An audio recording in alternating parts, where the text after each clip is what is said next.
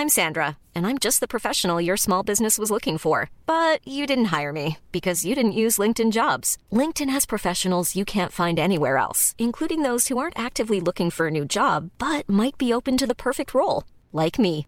In a given month, over 70% of LinkedIn users don't visit other leading job sites. So if you're not looking on LinkedIn, you'll miss out on great candidates like Sandra. Start hiring professionals like a professional. Post your free job on linkedin.com/people today.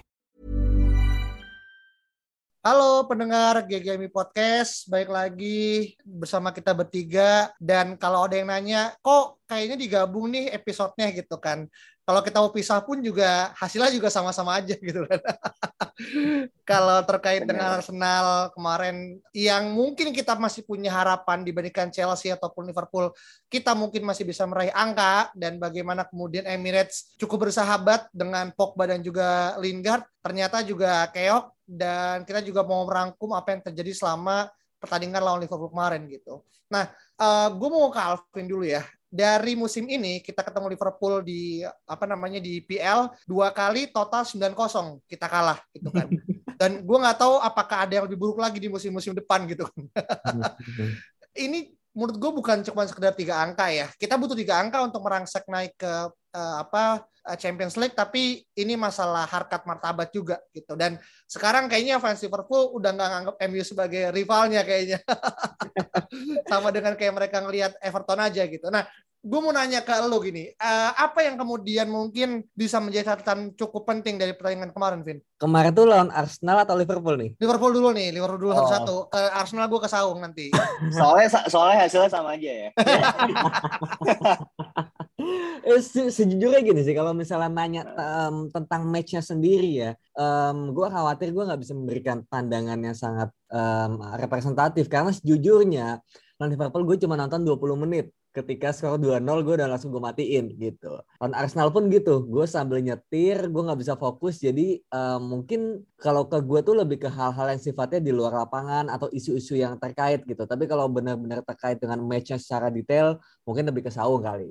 Oke, boleh boleh. Lu dulu deh gimana deh terkait dengan gambar umumnya? Gue sejujurnya kayak um, dari yang uh, gue baca di Twitter atau misalnya gue lihat secara 20 menit di awal gitu kayak yang gue lihat adalah nggak ada determinasi gitu kayak nggak niat main gitu. Bahkan lu lawan Liverpool melawan rival yang seharusnya at least lu lu jelek nih ya lawan Manchester City lu jelek lawan di Liga Champions lawan Atletico gitu. Tapi setidaknya kalau lawan Liverpool lu nggak boleh kayak gitu lu nggak boleh bermain kayak seolah nggak ada gairah gitu. Bahkan Bruno Fernandes juga bilang kalau ya kalau Liverpool bermain tuh ada tujuannya gitu, yaitu ingin juara kan. Tapi kalau kita nggak ada gitu, itu menurut gue apa ya kayak ya bentuk sebuah frustrasi yang udah sangat memuncak ya dari seorang Bruno yang kayak ini tim udah nggak ketolong gitu loh. Dressing roomnya udah benar-benar hancur seperti yang dikatakan Scott gitu kan. Jadi menurut gue kayak musim ini menurut gue udah nggak bisa diselamatkan lagi sih gitu. Hmm, oke.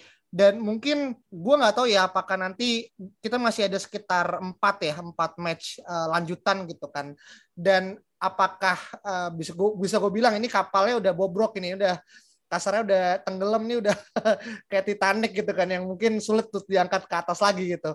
Nah kalau kemudian gue nanya ke Saung nih, gue gue yakin lu yang memperhatikan dan nanti kita bisa ngelihat mungkin satu hal yang menurut gue cukup jadi pandangan yang unik adalah bagaimana penampilan Hannibal Matchbury gitu kan yang mungkin main di 10 menit terakhir gitu. Tapi kalau kemudian kita ngelihat secara performa gitu kan dan ini kita tahu bahwasanya uh, Ronaldo tidak bisa main ya karena uh, ada kabar berita kalau kemarin anaknya Ronaldo kemudian harus uh, keguguran gitu kan yang akhirnya ngebuat diberikan day off dan yang gue salut adalah fans Liverpool juga fans MU uh, gue lupa kalau nggak salah menit ketujuh ya memberikan standing, standing applause gitu kan untuk Ronaldo dengan segala bentuk uh, rivalitas tapi respect itu terus perlu dijaga gitu. Nah, buat lo nih Ung, uh, tanpa ada Ronaldo gitu kan dan kemarin mungkin kita kalau nggak salah juga nggak ada Farhan juga belum main gitu kan dengan skuad hmm. yang sebegitu minim gitu kan. Apakah ini sebuah hal yang sebenarnya predictable seperti Alvin bilang gitu atau sebenarnya lu ngerasa ada poin yang janggal nggak dari pertandingan kemarin Ung?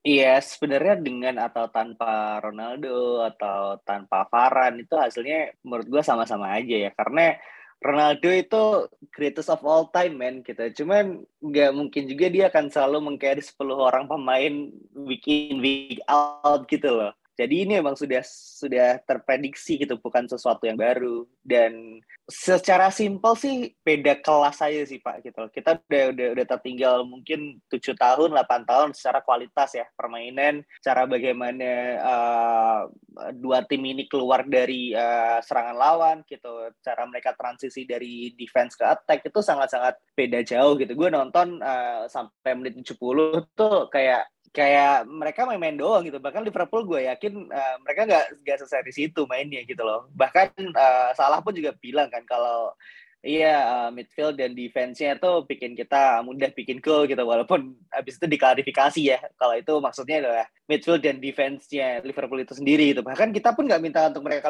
klarifikasi, karena emang kenyataannya ya seperti itu gitu loh. Jadi kayak memang beda aja, memang beda kelas aja gitu. Dan ini dibuktikan dengan uh, match lawan uh, Arsenal gitu. Farhan main, Ronaldo main, ya hasilnya ya sama aja gitu. Karena memang kita tidak punya uh, pattern bermain, tidak punya pakem bermain gitu. Semua pemain sudah melepaskan uh, musim ini gitu. Dan uh, I don't think anyone gives a fuck gitu ya, except pemain-pemain muda kayak yang lo bilang tadi kayak Hannibal Mejbri gitu yang masuk tiba-tiba kaprak-kaprak kayak lah bodo amat gitu. Karena memang dia pasti gemes juga nonton dari bangku cadangan nih pemain pemain senior gue tolol semua gitu loh. Jadi kayak iya begitu gitu. Ini memang uh, harapan gue sih malah justru kita peringkat 8 aja ya nggak usah peringkat 7 gitu karena uh, Conference League is is is an embarrassment sih menurut gue gitu untuk hmm. sekelas United. Iya benar-benar. Yeah. Gue juga sangat setuju peringkat 8 makanya gue berdoa Wolves sama West Ham ini menang terus nih gitu. Tapi yeah. West Ham, apa Wolves tolol banget anjir lawan Burnley aja kalah gitu. Iya iya iya. Oke oke. Nah, uh, sebenarnya kemarin juga uh, dari yang gue tonton ya gitu kan. Sebenarnya secara midfield pun kita harus mengakui bahwasannya sekali lagi Thiago Alcantara itu menguasai tengah gitu kan. Terlepas kemudian akhirnya ada peran uh, salah dan segala macam gitu. Gue ngerasa memang keseimbangan di tengah MU ini kemarin agak cukup kurang. Gue nggak tahu kemudian Alvin dan juga Song sependapat sama gue gitu. Meskipun kita memainkan Matic gitu kan. Dan juga kalau lo lihat uh, Phil Jones juga ada kan kemarin kan di di, di mana di apa namanya uh, game plan juga segala macam gitu. Dan menurut gue hmm apa yang kemudian terjadi uh, salah mencetak gol ke-30 dan segala segala macamnya ya udah ini adalah implikasi kalau apa yang kemudian kita mungkin ya sempat hype di awal gitu kan ya sekarang semua udah kemudian sadar kalau harapan empat besar tuh udah pupus gitu kan dan ini sebenarnya leading pada next question gua gitu kan ketika kemarin kita ngerasa lawan Liverpool itu sebenarnya predicted loss gitu kan. Sebenarnya kan uh, kalau selalu ya Ung ya yang sempat kemudian punya chance kalau kita lawan Arsenal tuh masih bisa gitu. Dan sebenarnya gitu kan kalau kita lihat gamenya kita hampir aja menyamakan kedudukan gitu kan. Unless emang Fernandes kemudian nggak nyentuh tiang aja yeah. gitu kan dan itu mentalitasnya berpengaruh ya menurut gue pribadi gitu kan.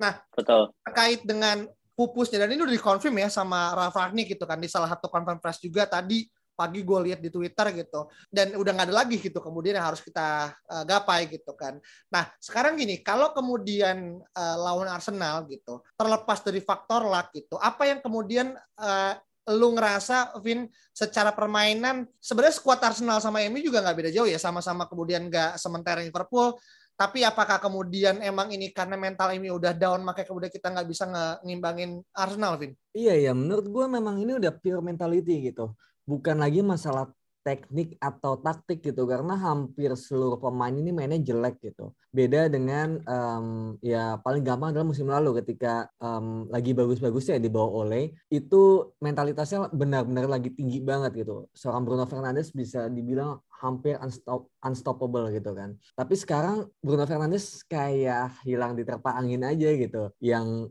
biasanya penalti nggak pernah gagal, musim ini udah dua kali gagal kayak gitu. Dan bahkan banyak pemain-pemain yang sepertinya kayak Alex Teles itu juga sangat mengecewakan kemarin gitu. Dan pemain-pemain seperti siapa ya kayak Harry Maguire itu kayak di bawah standar mainnya gitu. Kalau misalnya kita bicara lawan Liverpool ya, tapi lawan Arsenal kita bisa lihat bahwa pertahanan kita juga carut marut ya. Nuno Tavares menit kedua langsung cetak gol dengan cara seperti itu. Itu gue nggak lihat ya. Gue lagi di jalan tiba-tiba mau lihat nih coba MU Arsenal pas gue klik udah satu menit kedua gitu. Jadi kayak gue nggak tahu gitu kayak ini lawan siapa aja nih bisa kebobolan gitu. Bahkan kemarin lawan Norwich aja kita masih sempat-sempatnya kita hampir kena comeback gitu loh. Jadi sebenarnya dari match yang itu aja kita udah bisa refleksi bahwa men kita bakal dihancurin ya sama Liverpool Arsenal gitu. Norwich aja kayak gitu gitu. Harusnya lawan Norwich tuh kita bisa 5-0, 4-0 harusnya gitu sih. Jadi menurut gue ini udah mentality yang kena bahkan sama Bruno Fernandes gue lagi di jalan, gue lihat, gue puterin kamera terus gue, uh penalti nih gitu. Tapi sama gue liat mukanya Bruno tuh kayak tertekan gitu ya gitu. Jadi ini gue nggak bohong ya, tapi gue benerin gue ngeliat mukanya Bruno tertekan dan gue kayak kenapa nggak Ronaldo ya? Ronaldo habis cetak gol, Norwich habis hat trick gitu. Jadi kayak menurut gue mentality itu benar-benar ada di Ronaldo lagi bagus-bagusnya. Gue udah ini nggak masuk nih kata gue udah gue udah bilang di mobil ini nggak akan masuk gitu dan ternyata bener nggak masuk jadi kayak not surprise aja sih gitu. Mm-hmm. Yeah. Dan kalau paling satu hal yang bisa di highlight ya, ya ya Pak Ronaldo gitu mencetak gol ke 100 di Premier League gitu kan.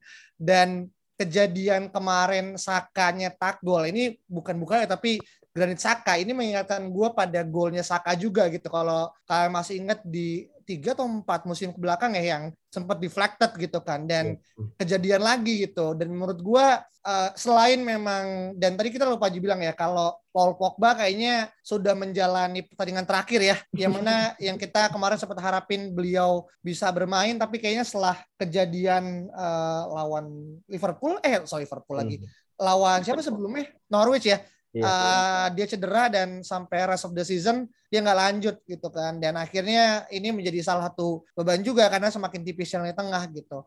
Nah kalau misalkan uh, lo boleh ngasih nih Vin, eh Ung deh uh, terkait dengan best player kita kemarin di match lawan Arsenal, menurut lo siapa orang yang kemudian masih bisa dianggap sebagai apa ya? Gue nggak bilang satu-satunya ataupun sedikit dari yang uh, perlu untuk kemudian bertahan di musim depan. Tapi siapa yang kemarin cukup menunjukkan determinasi kalaupun kita akhirnya nggak lolos ke empat besar, pemain ini kemudian masih fight for the batch aja menurut gue kayak gitu. Uh, siapa ya cukup sulit sih karena di antara 11 pemain ini kan paling yang live cuma gue ya jadi kayak yang pertama gue rasa uh, Ronaldo menurut gue itu udah pasti sih. Maksudnya uh, entah kita nanti finish di posisi berapapun gue harap Ronaldo akan tetap stay gitu. Uh, karena memang kalau memang nggak ada dia ya kita mau di mana pak? Kita gitu. mungkin kita bersaing dengan Everton untuk keluar dari zona degradasi ya. Uh, hmm. terus yang kedua tentu David De Gea sih men. Maksudnya uh, apa pun kritik yang kita baca gitu ya, kita dia terima uh, dengan performa dia musim ini gitu ya. Cuman apart from those two, gue nggak yakin musim depan tetap safe untuk at least 9 pemain lainnya sih gitu sih. Jadi ya dua orang itu sih menurut gue yang yang apa ya yang masih menjadi apa ya uh, tumpuan asa lah bagi kita untuk menghadapi empat match berikutnya sih kayak gitu. Mm -hmm. Iya iya iya iya dan kalaupun memang dua nama itu yang akhirnya menjadi sosok yang memang menurut lo adalah at least dua orang yang masih berjuang gue setuju juga. Meskipun ini uh, keberadaan Ronaldo dan juga De Gea pro kontra ya dengan uh, topik bahasan kita berikutnya. Dan sebenarnya topik ini kan sebenarnya mau kita combine ya dengan kedatangannya Alex Ten Hag gitu kan. Tapi jujur kesedihan ini nggak bisa cukup di di hmm. apa ya disapu air matanya dengan keberadaan Ten Hag. Cuma kayak coba kita ulur dulu Ten Hag sampai momen yang menurut kita cukup stabil ya gitu kan. Mungkin dua minggu lagi, tiga minggu lagi dan fokusnya lebih kepada gimana kemudian kita ngelihat uh, match kemarin dan juga match ke depan gitu.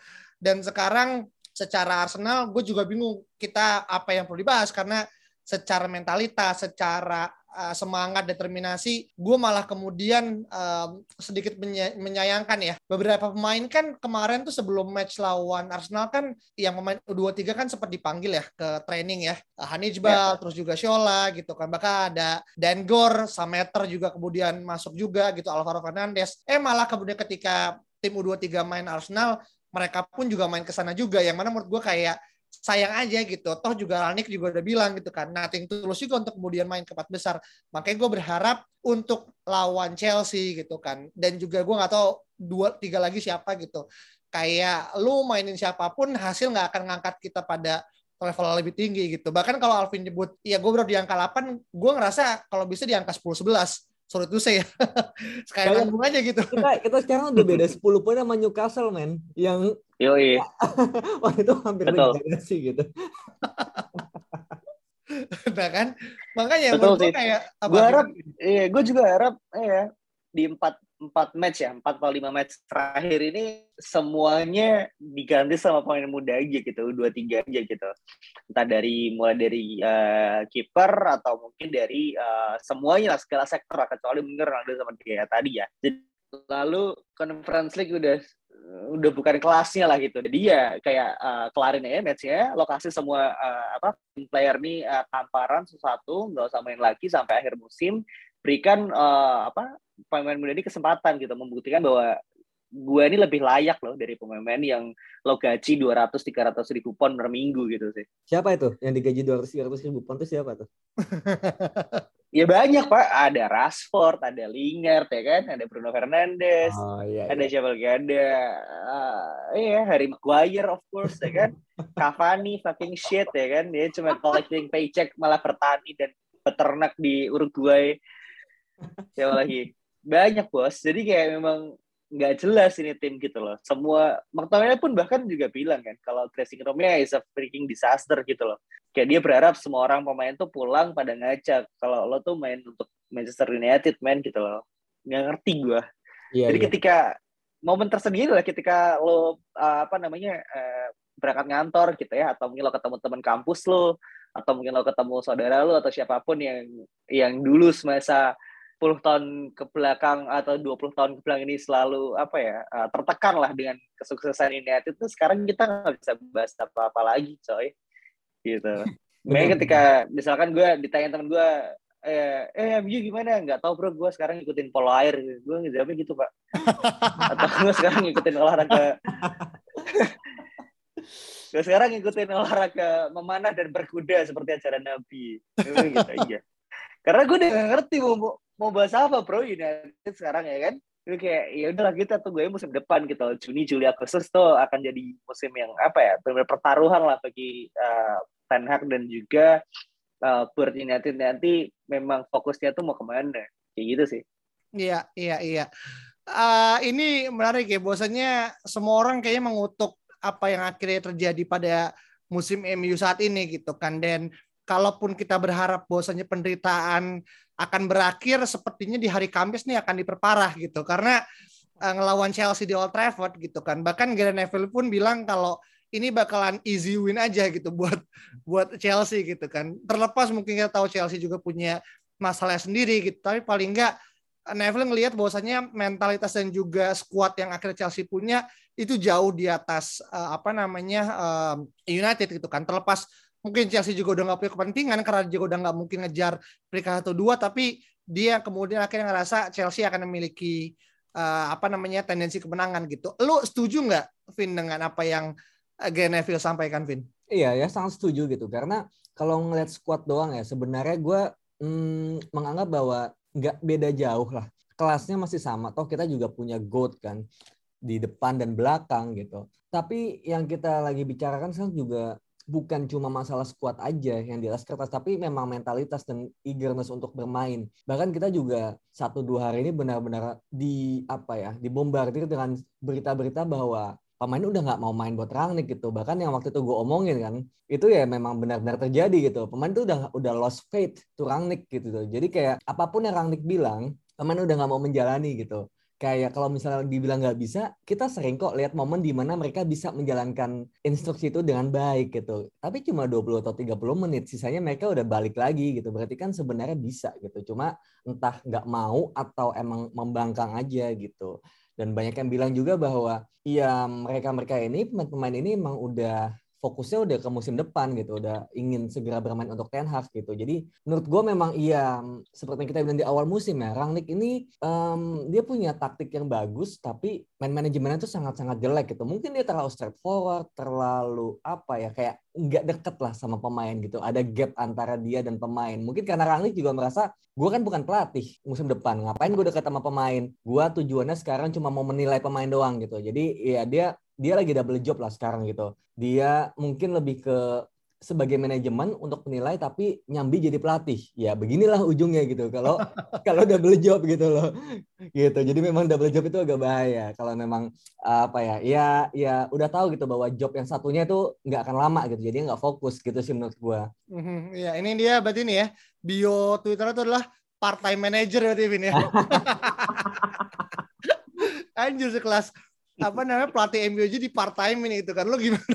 Bisa membayangkan kayak dengan dengan situasi kompleksnya kita masih bisanya gitu ada orang kemudian menjabat sebagai part time manager gitu kan. Tapi ini menarik ya tapi kalau kita ngebahas masa statistik ini gue ngelihat ada satu hal yang mungkin uh, membuat Saung cukup pede gitu. Karena dari pertemuan MU dan juga Chelsea gitu kan uh, di Premier League ya. Uh, apa namanya terakhir kali kita kalah lawan Chelsea itu adalah di tahun 2017 bulan November ketika itu kita kalah satu kosong. Dan itu cukup lama ya sekitar mungkin lima tahun lalu gitu kan. Dan kalau kita ngomong uh, apa namanya match sebelumnya itu kita ending seri satu gitu kan yang mana kemudian uh, itu dicetak sama Jadon Sancho juga dan kita kemudian bisa dibilang saat itu cukup memiliki apa ya mungkin hype ya bahwasanya Sancho menemukan performnya segala macam segala macam gitu kan bahwasanya 007 tuh akhirnya mulai uh, curse-nya mulai apa namanya broken down tapi well apakah lu cukup merasa dapat angin segar nggak Om dari statistik yang tadi gue sampaikan Om? Sama sekali tidak. eh gue main ini kan, tahu yang optimis nih. Ini kan, Gak bisa pak. Ini ya, ya. gimana tuh? Sekarang sekarang lo lihat ya terakhir tiga uh, dua match terakhir kita kan uh, pertama lawan Liverpool ya sebuah klub yang selama uh, I think 20 hampir 30 tahun terakhir itu selalu kita bully gitu. Ya, 20 times Man United bro gitu kan Nah sekarang ini kan 20 times-nya juga sedang terombang ambing. Prestasi juga kita jauh nih dengan Liverpool. Dah, minggu depannya kita lawan Arsenal gitu ya. Klub yang selama bermusim-musim selalu kita bully bahwa ya lo Arsenal man, you will never be bigger than us gitu kan. Dan lo ya akan di situ aja gitu. Lo, lo udah selama 8 tahun kali ya, 7 tahun 8 tahun lo tidak pernah merasakan uh, suasana Liga Champions dan sekarang uh, lo berjuang untuk uh, masuk top 4 gitu, masuk ke Liga Champions dan United out of nowhere gitu ya, nowhere to be seen gitu, nowhere to be found. Ini, ini dua klub yang yang terakhir gitu ya. Dan besok ini ini lawan klub yang sekarang itu tidak punya pemilik pak gitu. Jadi kayaknya apa ya, chance kita tuh ada, cuman ya kecil pak gitu. Karena ya ini Chelsea bro. Lo lihat aja beberapa waktu lalu ketika Real Madrid kayak gimana mereka kototnya kan. Ini sekarang lawan misalnya jadi kayak ya lower your expectation guys. Iya iya iya oke. Nah ini kalau memang Saung Aji sudah tidak lagi bisa mengangkat moral dari podcast, gue bingung juga nih gimana akhirnya tutup ya gimana. Iya bisa. Berarti ini udah kondisinya udah carut marut ya gitu kan. Mungkin apa gimana Bung? Carut marut, carut marut betul. Jadi kayak mungkin bagi teman-teman mungkin sudah saatnya uh, merelakan ya uh, musim ini gitu. Dan apabila apa di awal-awal musim kita di awal episode podcast kita di season awal bagaimana kita menggembar-gemborkan galaktikos yang baru dan ternyata seperti ini ya itu sudah di luar kuasa kami teman-teman. Jadi ya kita tidak ingin memperparah keadaan ya. Jadi kayak ini kasarnya adalah uh, apa namanya maaf-maafan datang lebih awal ya buat GGW podcast. Betul lah. Kita sudah bener, mumpung ini suasana lebaran, bener kan? gimana Min? Karena kata yeah. United, mohon maaf apabila selama semusim terakhir kita sering memberikan harapan palsu ya. Nah itu. itu yang mendengarkan lalu dikecewakan esoknya. Hmm. Ya, ngomong masih soal lebaran, sampai jumpa di musim depan. Kita hiatus dulu ya musim depan. Iya iya iya iya. Dan juga sebenarnya ya baik lagi ya uh, dari 8 match terakhir kita cuma menang dua kali gitu kan. Uh, apa namanya yang mana sebenarnya agak cukup uh, memalukan gitu kan buat uh, apa tim sekelas MU yang mana kalau kita lihat pun itu lebih kepada brilliance Ronaldo aja gitu. Dan apa yang bisa kita harapkan adalah ya Ronaldo kemudian bisa berharap hat trick lagi gitu kan. Atau mungkin ada keajaiban yang bisa ditularkan dari sebuah eh, magis Old Trafford gitu. Tapi gue sekarang yang awalnya uh, apa ya selalu nonton trainingnya MU ya itu kan biasa gitu tuh. Hamin satu kan biasanya MU itu kan nge-launching nih ya video training dia gitu kan. Dan gue gue mikir ya meskipun ini adalah gimmick media gitu tapi kalau lo kemudian bermain di MU dan lo kemudian lagi dalam kondisi yang tidak baik-baik aja gitu, lo masih bisa senyum tuh menurut gue agak aneh gitu. gue ini pandangan gue ya gitu kayak lu meskipun gue tahu ini adalah ujung ujungnya sebagai sebuah ya entertainment gitu dan juga untuk komersial tapi ini dua hal yang nggak bisa di, di apa ya dipisahkan gitu lo bermain untuk MU tapi lo masih bisa bisanya kemudian upload IG story setelah pertandingan selesai gitu kan walaupun dengan coach-coach yang mungkin apa namanya coming back the stronger gitu. Tapi menurut gue ini agak satu hal yang perlu untuk menjadi sebuah catatan dan ya baik lagi apa kata Alvin gitu buat Rahnik dia nggak punya kepentingan karena gue juga jangka pendek pemain juga udah pikiran udah bagaimana kemudian gue kepilih buat next season gitu. Dan gue mungkin kalaupun pindah klub gimana akhirnya gue tampil baik dan akhirnya menarik perhatian tim lain gitu kan. Jadi buat gue sih nggak ada apa ya nggak ada poin yang kemudian lebih dari sekedar ya besok akan jadi latihan Chelsea aja untuk mencapai untuk kemudian persiapan masuk final Piala eh, FA gitu kan. Jadi menurut gue ya semoga besok kalaupun kalah nggak yang lebih dari tiga kosong ya karena gue kasihan juga buat fans-fans MU gitu kan yang di apa eh, Manchester gitu kan udah beli tiket mahal-mahal gitu kan. Lo tahu jaminannya akan kalah gitu dan dan pemain juga nggak bisa ngasih garansi kalau kita akan menang gitu. Jadi oh. itu aja sih kalau terkait dengan hmm. uh, podcast kita pada kesempatan kali ini. Kita doakan yang terbaik. Uh, semua dari kita lagi berduka, tapi gimana akhirnya kemudian seperti chance MU ya, we shall not be moved gitu kan. Meskipun gue tahu ini terlihat sangat klise gitu kan, tapi ya semoga we shall not be moved ini bertahan sampai kemudian kita masuk ke eranya yang baru gitu dan mungkin kita bisa datang dengan lebih banyak optimisme gitu. Dan itu aja dari kita. Thank you so much sudah dengerin. Sampai jumpa pada pertemuan berikut ya. Bye bye. Even when we're on a budget, we still deserve nice things. Quince is a place to scoop up stunning high-end goods for 50 to 80% less than similar brands. They have buttery soft cashmere sweaters starting at $50, luxurious Italian leather bags, and so much more. Plus, Quince only works with factories that use safe, ethical, and responsible manufacturing. Get the high-end goods you'll love without the high price tag with Quince. Go to quince.com/style for free shipping and 365-day returns.